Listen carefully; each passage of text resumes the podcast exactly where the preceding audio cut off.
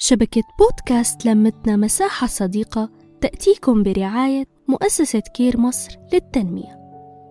عشان توعي عشان تحبي حالك عشان تبني نفسك وتكوني سعيدة قبل ما تتجوزي معك أنا آلاء بحلقة جديدة من بودكاست قبل أن تتزوجي. قربت تصير 30 سنة.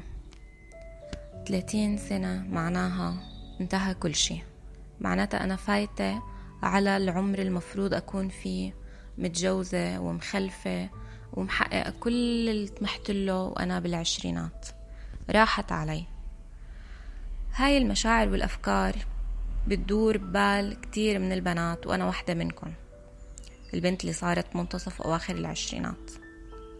هاد سببه إنه البنت العربية عليها كتير ضغوطات.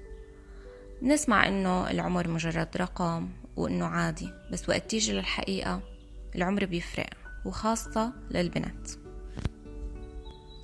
طيب إحنا كبنات ليه منخاف من هذا السن؟ هل هو فعلا وحش ولا إله حقائق إنه منخاف منه؟ ما فينا ننكر إنه الضغوط اللي سببها عالمنا العربي والمجتمع الذكوري الأساس لأنه البنت إذا ما كانت متزوجة بالعشرينات بيطلقوا عليها ألقاب مثل عانس أو فيها شي لحتى ما تزوجت أو هي معقدة. وإنه الشاب عادي معه يتزوج لإمتى ما بده. ممكن كمان بسبب ضغوط ال social media.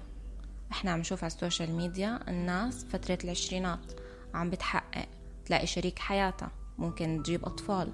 ممكن يصير عندها السيارات الفارهة والبيوت والشغل الخاص.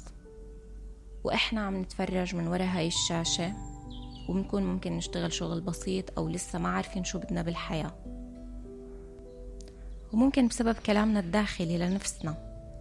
إحنا خلص حاصرين حالنا إنه المفروض بالعشرينات نكون محققين كل شيء كأنه حلقة وبدك تختميها.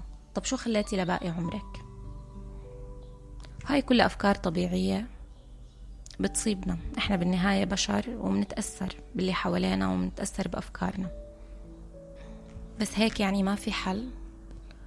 لا في حلول. بس بدها إنه نشتغل أكتر على حالنا ونراقب أكتر أفكارنا ونحاول نفكر بطريقة واقعية بطريقة إيجابية. أول شي بدنا نعرف إنه كل حدا له خطه الزمني. في ناس صح ممكن تكون لاقت شريك حياتها بالعشرينات بس ممكن تتطلق بالثلاثينات ممكن آه، يصير معها شي.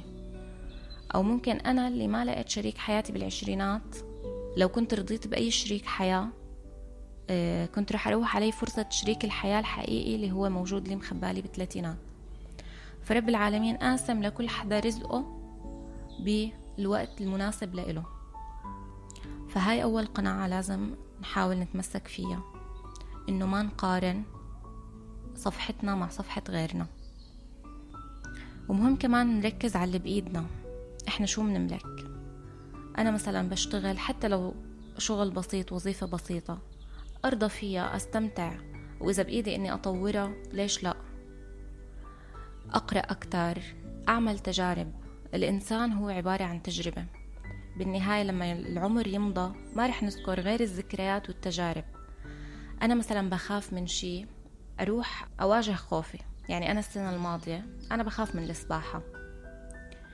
سجلت دورة سباحة. صح كانت شهر وما كملت فيها يعني لظروف بس أنا كنت كل ما أطلع كل ما أرجع من درس السباحة أنا حاسة بمشاعر وبطاقة إني أنا قادرة أتغلب قدرت أتغلب. كمان خضت تجربة إني كمان أنا بخاف من الحيوانات. اتجرأت. ومسكت قطة وحملتها وتصورت معاها. ف ممكن آه، شغلات تانية نعملها غير إنه بس نضل مستنين شريك الحياة أو المال أو فرصة العمل الذهبية. ممكن نواجه مخاوفنا. آه، نحرص إنه يكون عنا أصدقاء حقيقيين يضلوا لباقي عمرنا. نبعد عن العلاقات المزيفة إن كانوا شركاء حياة أو أصدقاء. وعمر الثلاثينات ميزته إنه ما بيعود الواحد قادر يضل بشي مزيف. لا شغل عم يستنزف طاقتي ولا آه، شريك حياة سام ما عم يبسطني ما عم بيقدم لي مثل ما أنا عم بقدم له. لا أصدقاء أوفياء بلاقيهن وقت الشدة. فالعمر الثلاثينات بيكون الواحد وصل لمرحلة من النضوج قادر إنه تكون خياراته مناسبة أكتر. وفيها أقل ضرر.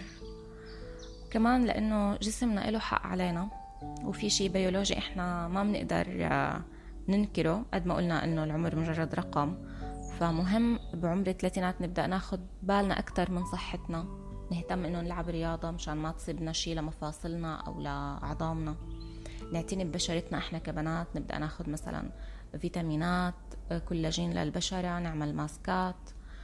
هاي كلها شغلات إذا ركزنا عليها كتير رح تخف الضغوط والمخاوف اللي جواتنا. رح يصير تركيزنا بس على الشيء اللي إحنا قادرين إنه نفعله. والشيء اللي مو بإيدنا لو شو ما عملنا ما رح يو... إنه نوصل له. وهيك أعزائي انتهت حلقتي معكم. بتمنى تكونوا استمتعتوا واستفدتوا وبلاقيكم بحلقة جديدة ومع السلامة. نحكي نتشارك نتواصل.